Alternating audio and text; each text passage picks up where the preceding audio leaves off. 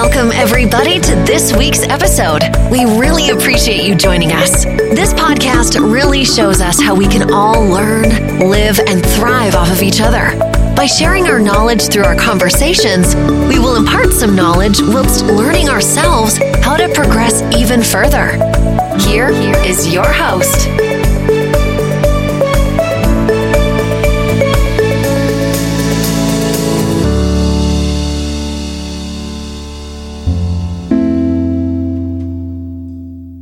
Selamat malam guys, kalian sedang mendengarkan Ngelem Podcast. Kali ini gue sendirian Tanpa Levi Karena dia lagi berhalangan gitu deh.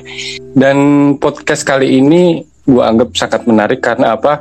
Karena sebenarnya kita punya concern yang sama Tapi kita punya Sudut pandang yang berbeda Soal kasus Fetis kain jari.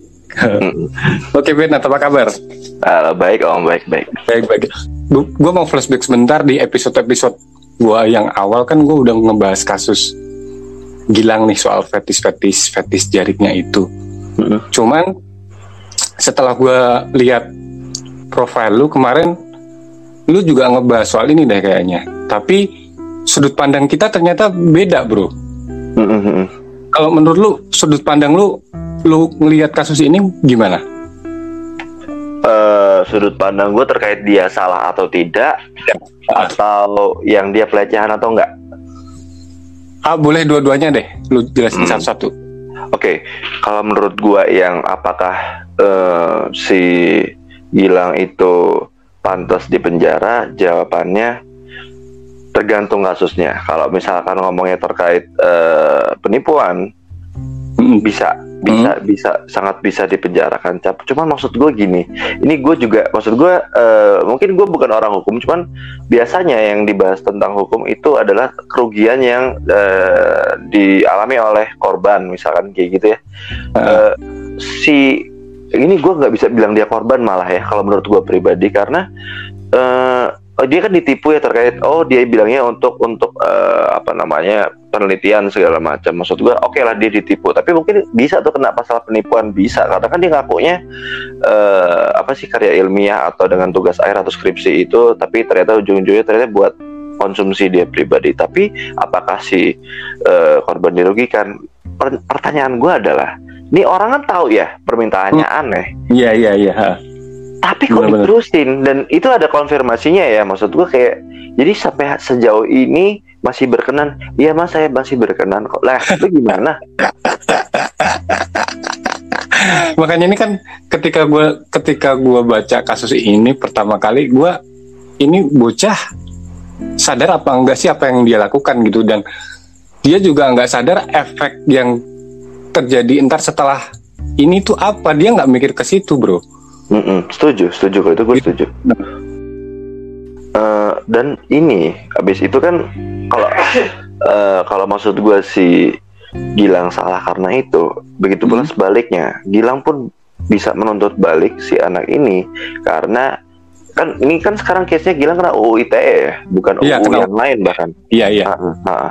Dan kalau ngomong UU ITE, harusnya si anak ini juga masuk loh karena dia menyebarkan private chat di mana itu tidak diperbolehkan di UU ITE. Jelas itu undang-undangnya ada, jelas. Oh gitu ya. Oke oke oke. Jelas. Meskipun sebenarnya chat itu bersifat umum misalnya, bersifat umum itu juga nggak boleh di-share ya, nggak boleh di-share. Sebentar dulu nih, ini bersifat umum ini yang menganggap umum siapa? Si yang baca itu, yang baca, yang udah baca hasil screenshotan itu kan akhirnya kan umum ngelihat hmm, oke okay. oh, ini arah chatnya ke mana nih kan mereka juga pasti bisa ngelihat gitu okay. kalau kasus ini kan emang sangat pribadi antara Betul. si yang dengan si korban gitu Betul. Yang gue hmm. permasalahan gini sih, uh, eh, gue itu ngomong kayak gini bukan berarti gue tidak memperbolehkan orang untuk membuka atau melaporkan isi chatnya kepada polisi. Boleh. Okay. Okay, yang gue masalahkan kenapa lu posting di Twitter? Uh, uh. Bukan berarti gue menyetujui apa yang dilakukan Gilang ya. Iya iya iya. Gue pun quote unquote gue pun nggak suka LGBT kasarannya gitu. Maksudnya itu ini bukan masalah itu. Gue mempermasalahkan kenapa kok isi chat itu harus lu blow up ke Twitter apa karena lu sepengecut itu. nggak punya keberanian buat lapor polisi apa lu takut lapor polisi terus lu diketawain kalau lu nya yang cemen jangan orang Hmm. lain yang jadiin korban yang ibaratnya cuman kayak sasaran tembak buat lu dibelain orang-orang aja jangan kayak gitu kalau gue secara personal nganggep eh, kasus ini secara eh, salah enggaknya bisa dua-duanya intinya salahnya gitu ya. Mm. Jadi kalau menurut gua, menurut menurut gua sih si korban ini sebenarnya dia bingung mau ke mana gitu maksudnya. Dia mau ke mana, kemudian mungkin sosial media yang baru dia kuasain atau mungkin dia lebih banyak concern ke Twitter, mungkin dia langsung aja nggak mikir panjang. Oke, gua gua posting di Twitter, berharap berharap si Gilang ini bisa jadi disangkakan gitu sama si korban. Mungkin seperti itu dari sudut pandang gua sih kayak gitu. Oke. Eh kalau menurut gue ya ini ini ini bukan berarti lu harus sama atau gimana ini cuman Iya, menurut iya. gue eh, si Gilang ini maksud gue hmm, kalau memang dibilang salah eh, ini gue nggak ngerti sih maksudnya eh arah alas semua orang tuh selalu berpendapat kayak gitu maksud gue orang tuh bilang eh, korbannya itu memang nggak ngerti mau lapor ke mana ini gue Iya. tanya balik ke lu ya lu Heeh. umur segitu awal masuk kuliah emang lu sebego itu om Ya enggak juga sih.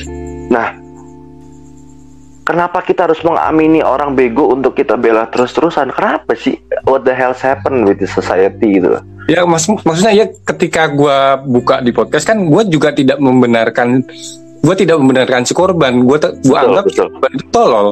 Dia tolol karena dia nggak me- nggak memikirkan akibat nanti setelah setelah gua ngelakuin ini apa dia nggak nggak sampai ke situ harus berpikir dulu Betul. gitu. Itu itu yang gua sayangkan gitu maksudnya. Ya, ya makanya gue bilang eh, Hmm. pertama itu betul. Hmm. Gue menyayangkan dengan apa yang dilakukan orang yang mengaku korban. Yang Hmm. kedua, gue menyayangkan sama society kita atau sosial kita atau masyarakat kita.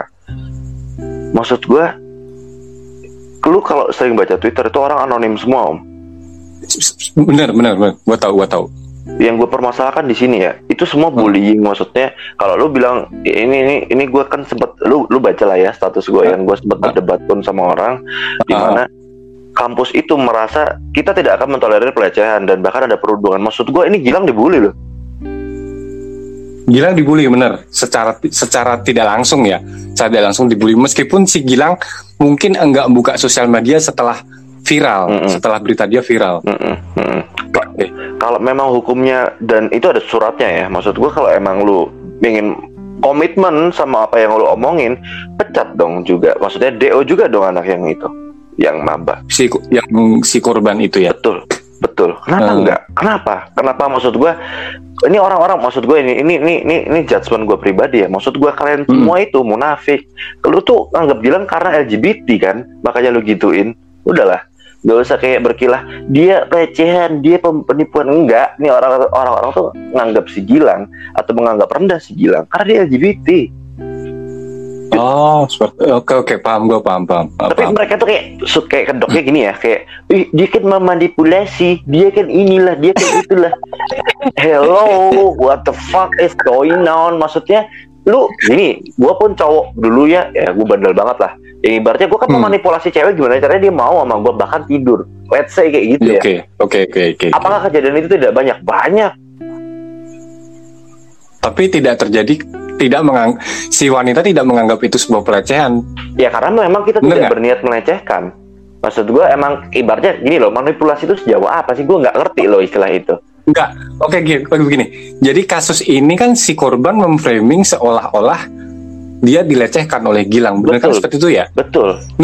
Kok sekarang kita balik dong, yang disebut pelecehan itu seperti apa, Nah, gitu kan? Apa dengan kita cuman melihat kemudian si korban melakukan apa yang diperintahkan itu terjadi sebuah pelecehan, mm-mm, mm. itu atau harus menyentuh dulu baru si korban terangsang akhirnya itu sebuah pelecehan atau gimana kan nggak dijelaskan di situ makanya untuk kasus pelecehannya tidak bisa disangkakan karena tidak cukup bukti. Nah buktinya itu seperti apa? Mm-mm. Itu kan. Kan sebenarnya gue tuh udah baca intinya buktinya tidak harus visum karena tidak ada kekerasan ataupun pemerkosaan sebenarnya itu kan Iya. kayak Ah. misalkan contoh catcalling kalau dia melecehkan dalam artian ih toket lu gede banget orang lewat gituin itu pelecehan misalkan ya ya catcalling ya, ya. nah kayak ada misalkan ada orang 10 di situ yang sweet sweet sweet sweet Nah, gitu kan tweet-tweet juga pelecehan yang kayak ibaratnya ngata-ngatain juga ibaratnya kalau ada 10 Hmm. orang atau lima ya kurang lebih ada beberapa orang di situ bisa jadi saksi eh, orang ini bisa jadi tersangka maksud gue lu lihat Hmm. si Gilang coli gak sih?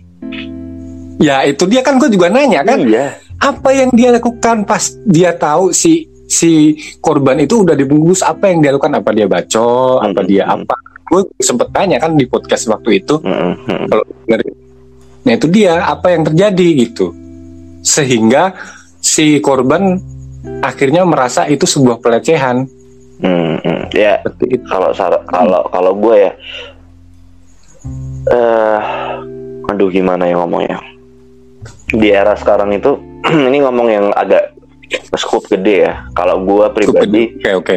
eh, ngerasa kenapa sampai se-viral itu ataupun sekrusial ini masalahnya. Karena Mm-mm. saya society yang sekarang suka banget judgement terkait personal seseorang ya. Lebih ke negatif I see, ya. I see. lebih ke negatif. I see, I see. negatif things yang dia udah lakuin. Karena contoh kayak misal nih ini ini gua nggak tahu kalau emang lu keberatan bisa lu sensor gua agak frontal nih ngomongnya.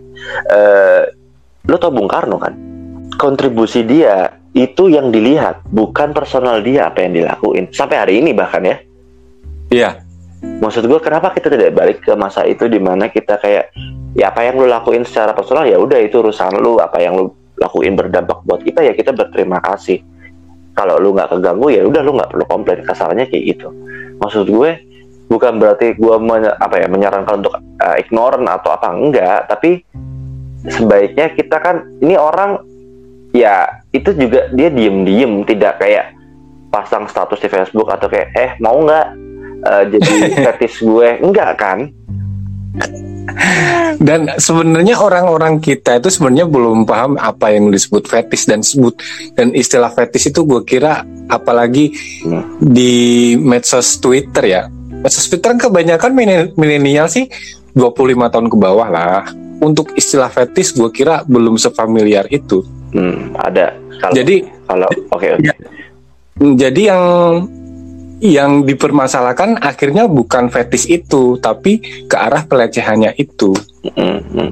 tapi meskipun belum terbukti secara secara secara benar ya hmm, itu pelecehan atau bukan? Nah itu dia. Kayak gitu. Kan Hmm. orang-orang tuh ini ini gue cukup banyak. Maksudnya gue sengaja lempar status itu karena gue pengen debat sih sebenarnya. Karena gue bukan Hmm. berarti Oke. tidak ingin di komen ya. Dan akhirnya lu kalau tahu bawah-bawahnya pasti kocak gitu. Nggak nyambung. Mulai nggak nyambung.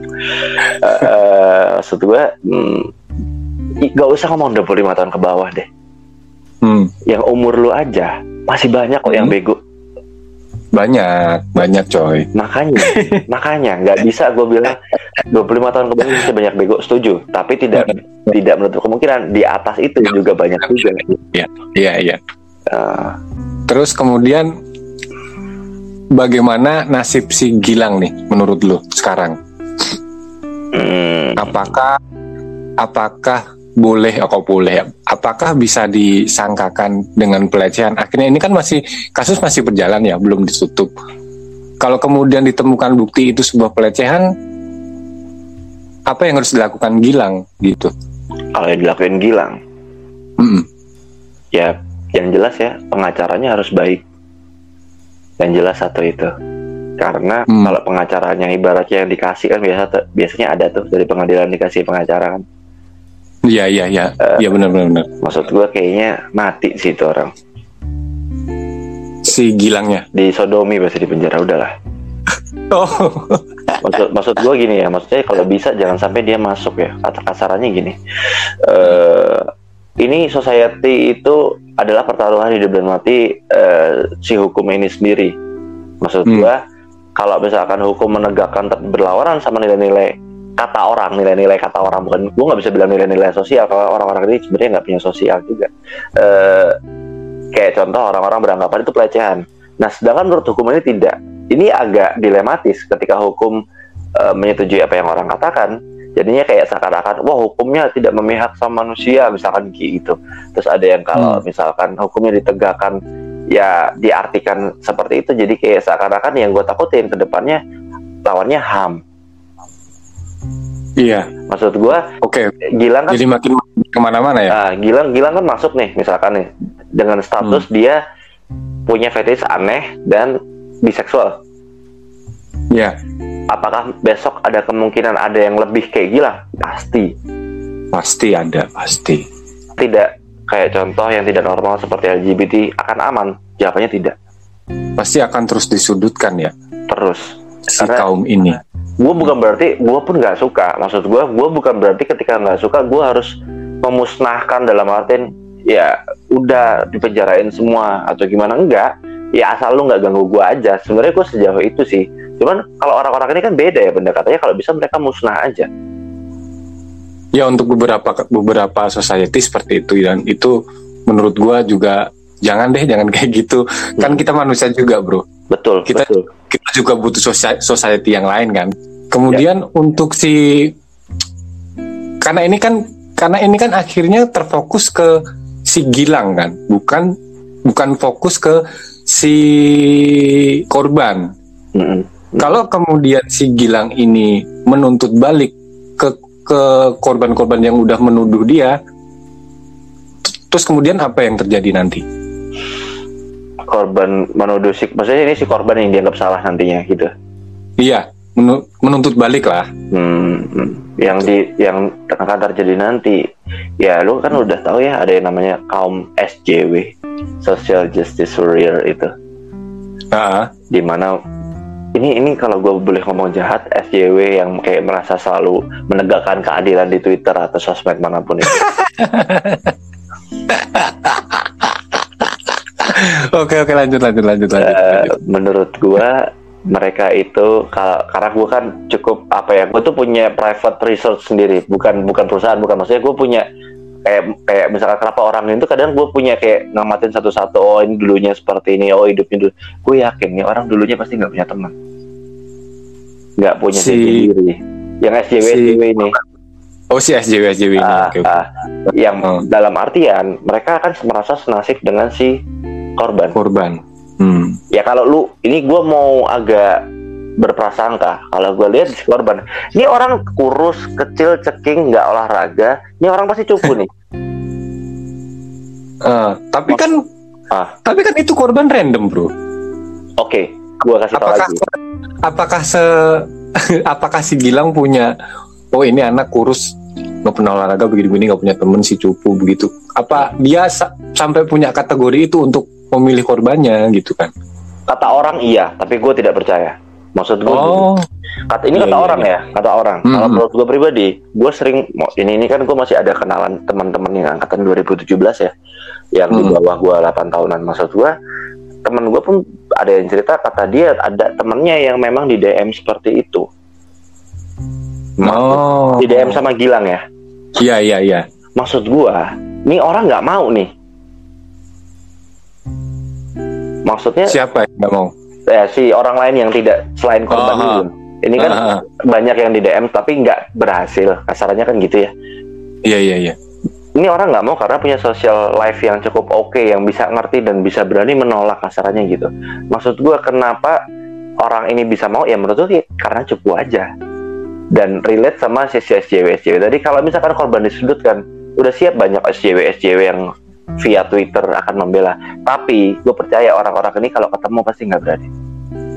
Atau mungkin karena ke, apa perbuatan itu dilakukan secara online akhirnya si korban dan mungkin si Gilang juga punya kemampuan untuk memanipulasi korban sehingga korban bisa sejauh itu melakukannya. Apa mungkin kayak gitu bro kalau menurut gue bro? Nah lo kan beda beda Ah. beda kalau ketemu sama Gilang secara langsung mungkin berani menolak Hmm, oke. Ini kan Nah. ini ini kalau lu ngomong manipulasi bahasanya ada yang ya udah mulai ke, ke fetish juga maksud gua. Mhm. Ini fetish ini kan aneh ya. Maksudnya itu adalah hal yang tidak ada hubungannya sama seksual sama sekali. Bugil aja enggak, kasarnya gitu ya. iya iya Nah, Maksud gua ini agak bahaya nih kalau kayak gini udah masuk disangkain pelecehan seksual dan Hmm. korbannya kebetulan cowok dan pelakunya cowok. eh yang gue sempat bilang kemarin kalau misalkan ada abang Gojek dimintain foto, terus ada orang yang ngecolokin abang Gojek lihat foto abang Gojek, itu pelecehan seksual nggak? Ya jatuhnya pelecehan. Nah, polisi gimana tuh kerjanya ngurusin begitu-begituan? Gue yakin kok di luar sana banyak banget. Terus kayak cowok-cowok yang kayak nge-komen-komen Instagram itu, Ya pelecehan jatuhnya tetap. ya udah setuju. Maksud gue kalau emang itu mau dimasukin, uruslah mereka semua itu. Gue pengen lihat polisi mengurus itu semua sampai dengan masuk penjara. Mungkin nggak Nah. kira-kira? Ya mungkin cuman ini ini gua gua se- sebagai awam hukum ya awam Hmm, hukum hmm, hmm. eh sepengetahuan gue undang-undang yang ke arah ke situ kayaknya belum belum bisa deh belum ada atau belum bisa dikerjakan atau seperti apa gua nggak tahu maksudnya kasus-kasus yang kecil-kecil gitu kayaknya belum pernah ditangkapin serius sama kepolisian maaf pak polisi ya maaf polisi Hmm, hmm, hmm. ini saya awam Eh, gimana mas dulu gimana Kalau menurut gue ya, eh kepolisian kan orangnya terbatas ya. Gue nggak bisa munafik itu.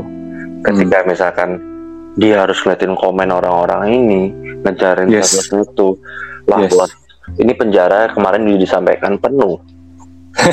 Dan maksud gue gini, ini balik ke konsekuensi di mana kalau misalkan itu udah kayak ibaratnya, ya gue berpakaian terus ada, lu pernah baca kan yang kayak ada cowok ganteng bawahnya ada komen rahim anget?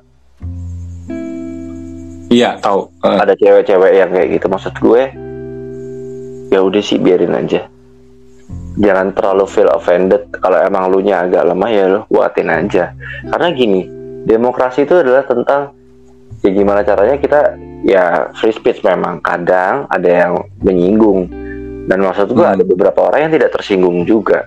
Maksud gue hmm, mau sampai kapan? Maksud gua kan banyak juga artis yang memilih untuk foto seksi dan akhirnya di komen segala macam. Oke lah let's say itu seksual karena fotonya seksi. Ya kalau foto biasa kita nggak pernah tahu itu awalnya dari mana loh. Iya benar benar benar benar benar benar benar. Ribet Setuju. bos. Setuju setuju. Ribet ribet. Kasarannya itu itu dia juga sadar kok nggak mungkin dia di, di, di teman-temannya bilang eh tahu nggak sih gue kemarin saking ngeliatin eh, bawa bapak jualan tahu. Ya nggak mungkin lah. Tidak setolol itu saudara. Itu dia. Tapi orang-orang menganggap Gilang setolol itu. Iya, bener. Padahal Padahal- menurut gua sih, menurut gua justru si Gilang itu cerdas menurut gua. setuju gue gue pun iya Sampai ak- sampai akhirnya itu sukses kan menurut gua kalau si Gilang nggak cerdas sampai nggak bisa menguasai si korban itu nggak bakal kejadian kayak gitu. Dan ya hebatnya si Gilang ya dia cerdas lah Mm, gitu. Jadi ada sesuatu sesuatu di balik sesuatu di balik dirinya si Gilang itu dan itu ya akhirnya meskipun dengan cara dia yang salah tapi menurut gue itu cerdas sih jenius jenius. Jenius tapi mungkin gue bisa kritisin satu ya sama Gilang. Hmm? Eh, Gilang itu kalau dalam segi agama dia bisa dianggap nabil gitu. Oh iya? Maksud gue gini Ap- ini ini bukan segi agama ya. Maksudnya kalau Oh, kalau ibaratnya fetis ini dianggap agama. Heeh. Ibaratnya dia itu akan fetis yang kayak gitu cuman dia doang nih mungkin di Indonesia ini di dunia mungkin karena di dunia ha. karena biasanya kan kalau ada kasus satu nih kasus fetis jarik kemudian ada berita fetis-fetis yang lain yang sama bro berita-berita yang lain dengan fetis yang sama kemudian biasanya muncul tapi Hmm. ini enggak tapi Mm-mm. ini enggak bukan enggak belum Belum ya. Biasanya kalau misalnya ada kasus uh, pelecehan seksual terhadap anak, terus beritanya tuh sama, Hmm. seragam. Misalnya di sini, di sini tuh muncul semua. Tapi kalau si kasus kayak kasus Gilang, kayaknya nggak sejamak itu kasusnya. gini gini ini yang bisa gue jelasin dari pengertian domino atau efek dominonya si Oh, Gilang Oh. yang gue anggapin adalah ada orang yang berusaha men-setting ini supaya naik kasusnya dan orangnya maksudnya Ah, gue udah, oke, udah cukup meneliti itu lah maksudnya ada orang lah yang memang ini cuman maksud gue kenapa gue bisa bilang Gilang bisa dianggap nabi? Maksud gue ada orang di sana yang mungkin sorry to say pendidikannya kurang. Dan kayak kadang ketika ba- ba- bacolin orang ketahuan atau gimana ini orang bisa dianggap penyelamat. Hmm. oh gue pakai pelampiasan yang lain ya. Maksudnya kayak oh lagi kayak eh foto dong kamu lagi ngapain? Lagi di kantor. Nah, siapa tahu dia fetishnya lihat orang pakai baju kantor ya nggak?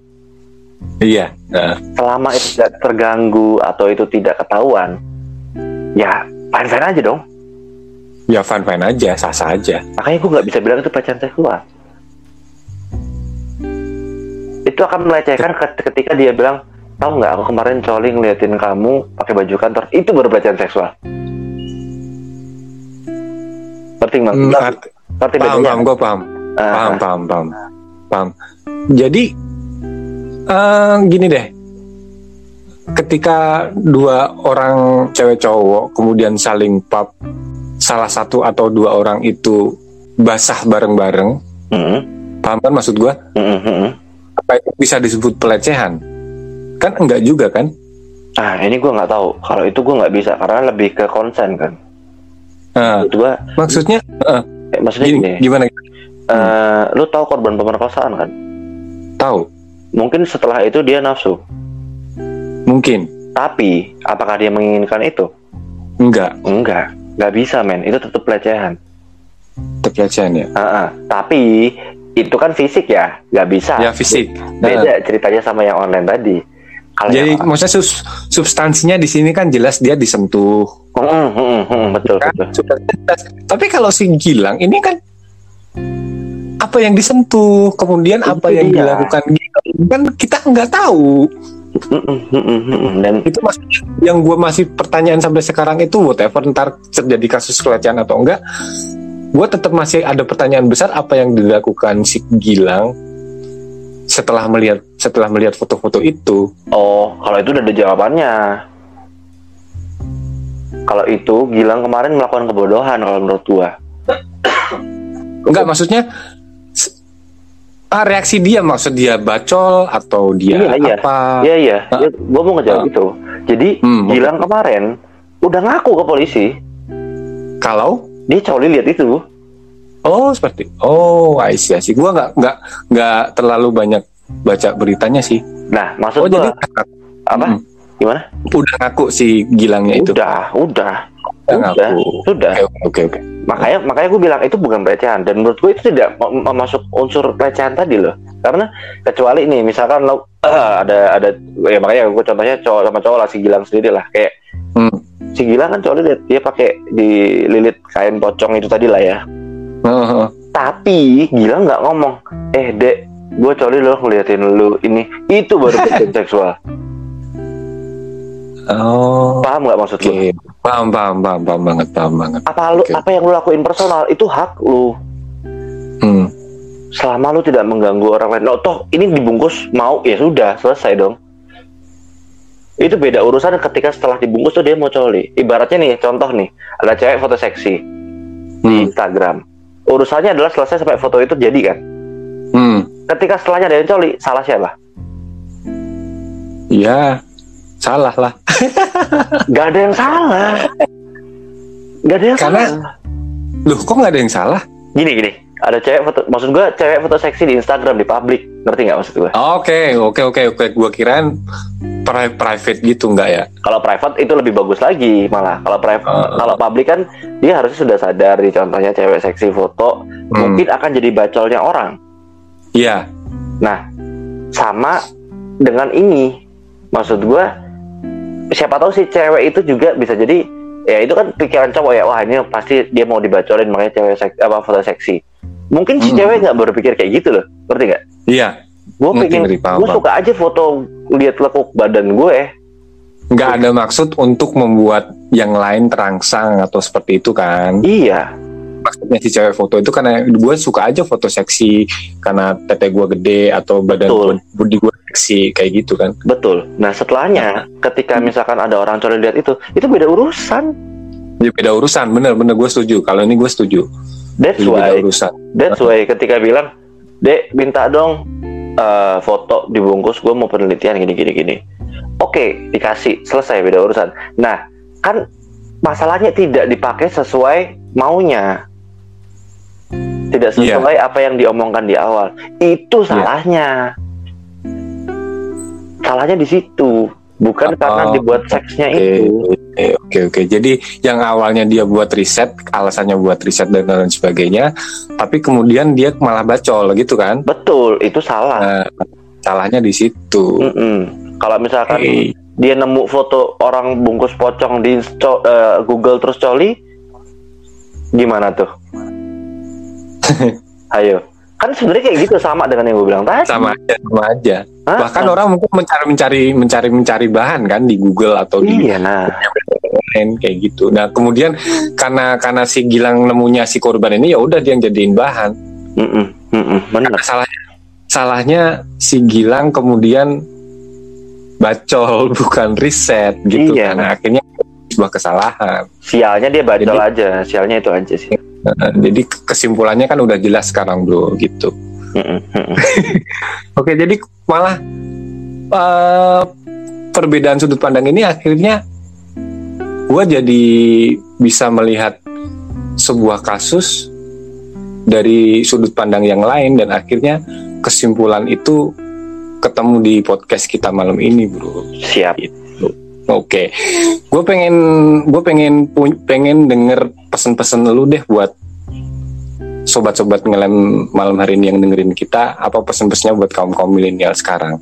Hmm, gue pertama-tama mungkin yang milenial gue nggak suka sama istilah itu lebih tepatnya ya. Gue mau ngomong Hmm. itu kalau lu Society dah pokoknya society. Uh, kalau lu masih merasa muda ya hilangin lah embel-embel muda. Ibaratnya lu kalau merasa mampu ya udah lakuin aja. Dan satu lagi kalau emang lu apa ya ibaratnya merasa diri lu ada yang kurang ya ngaca.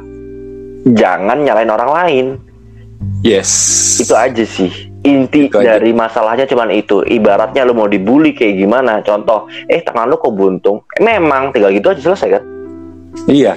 Iya dong Jadi apa yang apa yang kita rasain aja. Mm-mm. maksudnya Emang gue butuh.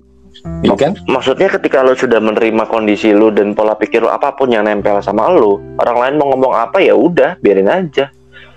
Hmm. Gak usah oke, terlalu oke. gimana lah ya. Udahlah, kalau semakin sensitif orang, gue yakin kok semakin bego orang itu. Oke. Jadi eh, malam ini kita menutup kasusnya Gilang dengan status Gilang bersalah gitu ya kesimpulannya. Secara hukum iya. Pengakuan secara pengakuannya secara pengakuannya Gilang. Mm, Gilang bersalah. Mm-mm. Oke titik. Oke buat sobat-sobat ngelem yang mungkin punya cerita atau punya aspirasi boleh DM kita di Instagram kita di ngelem underscore podcast. Kemu- Kemudian kalau mau ke Bernard, uh, IG-nya ke mana? Oh, eh, boleh di IG at bekal tidur atau di search di Spotify. Bekal tidur aja udah pasti ketemu kok. Nah, itu yang mau mau follow-follow atau mau dengerin podcastnya bekal tidur bisa di follow akun Instagramnya dan Spotify-nya. Oke, kita tutup podcast malam ini dengan kat- dengan ucapan perpisahan. Bye bye Bernard. Semoga kita bisa ketemu di podcast podcast kita yang lain. Siap. See you. Siap, see you om, see you Thank you.